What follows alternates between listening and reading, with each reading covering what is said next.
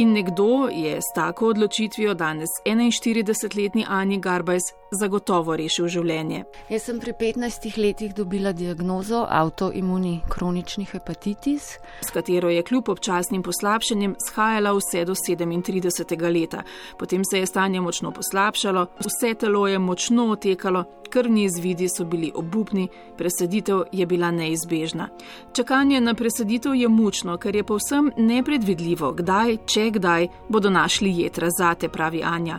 In potem je prišel dan, oziroma v njenem primeru noč. Operacija je kar težka, a ne traja tako med 6-8 ur, lahko tudi kakšno uro več najbrž.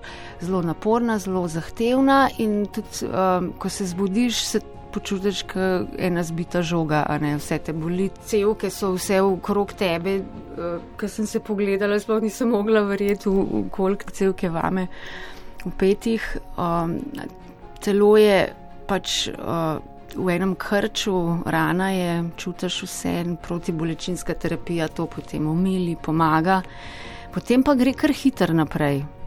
Tako da zelo hitro te postavijo na noge, že kakšen dan, dva, dva dni, tri dni. No.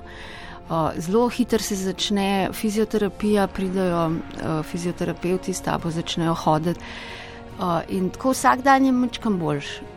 Toda po njej se je kmalo izkazalo, da bo potrebna nova presaditev. Ja, prva preseditev žal ni uspela, ampak ne zato, ker bi moje telo zavrnilo organ, ampak ker je prišlo do enih komplikacij pri žilah, do zapore ene um, arterije in ker pač ni bilo dovolj do voda, zraka. Sem začela uh, dobivati neke bakterične napade, in pol sem mogla biti skozi antibiotiki, in je bilo res grozno. Po eni že tako naporni in boleči izkušnji preseditve je bil kar velik udarec, da bo treba čez vse še enkrat. A tokrat je šlo brez težav, razlika med življenjem pred prvo preseditvijo in današnjim pa velikanska. Iz ene um, take zelite, zelitega telesa, ki je prej ne in in potem enega spet lahkotnega telesa, ko, ko se pač čez rehabilitacijo prideš in začneš normalno spet funkcionirati, je taka razlika, ne, da si res vesel in je čist drugačen, um, kri je dobra in vse je zdaj spet v redu. Ne. Tako da, ja, izkušnja um, težka, ampak nekako vse dobra. Anja je seveda vsem, ki so ji omogočili boljše življenje, zelo hvaležna in pravi, da svojim življenjem to skuša tudi pokazati. Trudim se, da se imam fino, ne? trudim se, da sem pozitivna, da se smejam, da uživam pri stvarih, ki jih delam.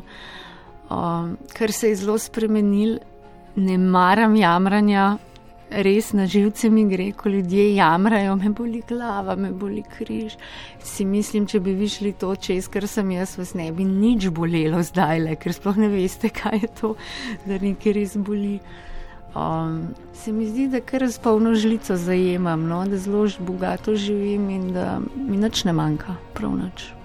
In da bi lahko tako možnost dobilo čim več ljudi, Anja apelira tako na odgovorne, naj čim prej omogočijo veliko priročnejše opredeljevanje za darovalca po elektronski poti. Vse ljudi pa naj svojim stališčem in odločitvijo seznanijo svoje bližnje. In ko razmišljajo o tem, kaj bi storili, postavljeni pred odločitev ali darovati ali ne, jim Anja polaga na srce. Pomislijo lahko samo na to, da bo ta smrt tragična in žalostna uh, nekomu omogočila življenje, se pravi. Kontrapunkt neki nesreči, ne, je na drugi strani ena sreča. In če si lahko del te sreče, ne razumem, zakaj ne. ne. Ne vem, lepo je pač pomagati ljudem in to je ena zelo plemenita pomoč. In kdor malo razmišlja srcem, no, bi mogel vedeti, da je to pač zadeva, ki bi jo mogel narediti.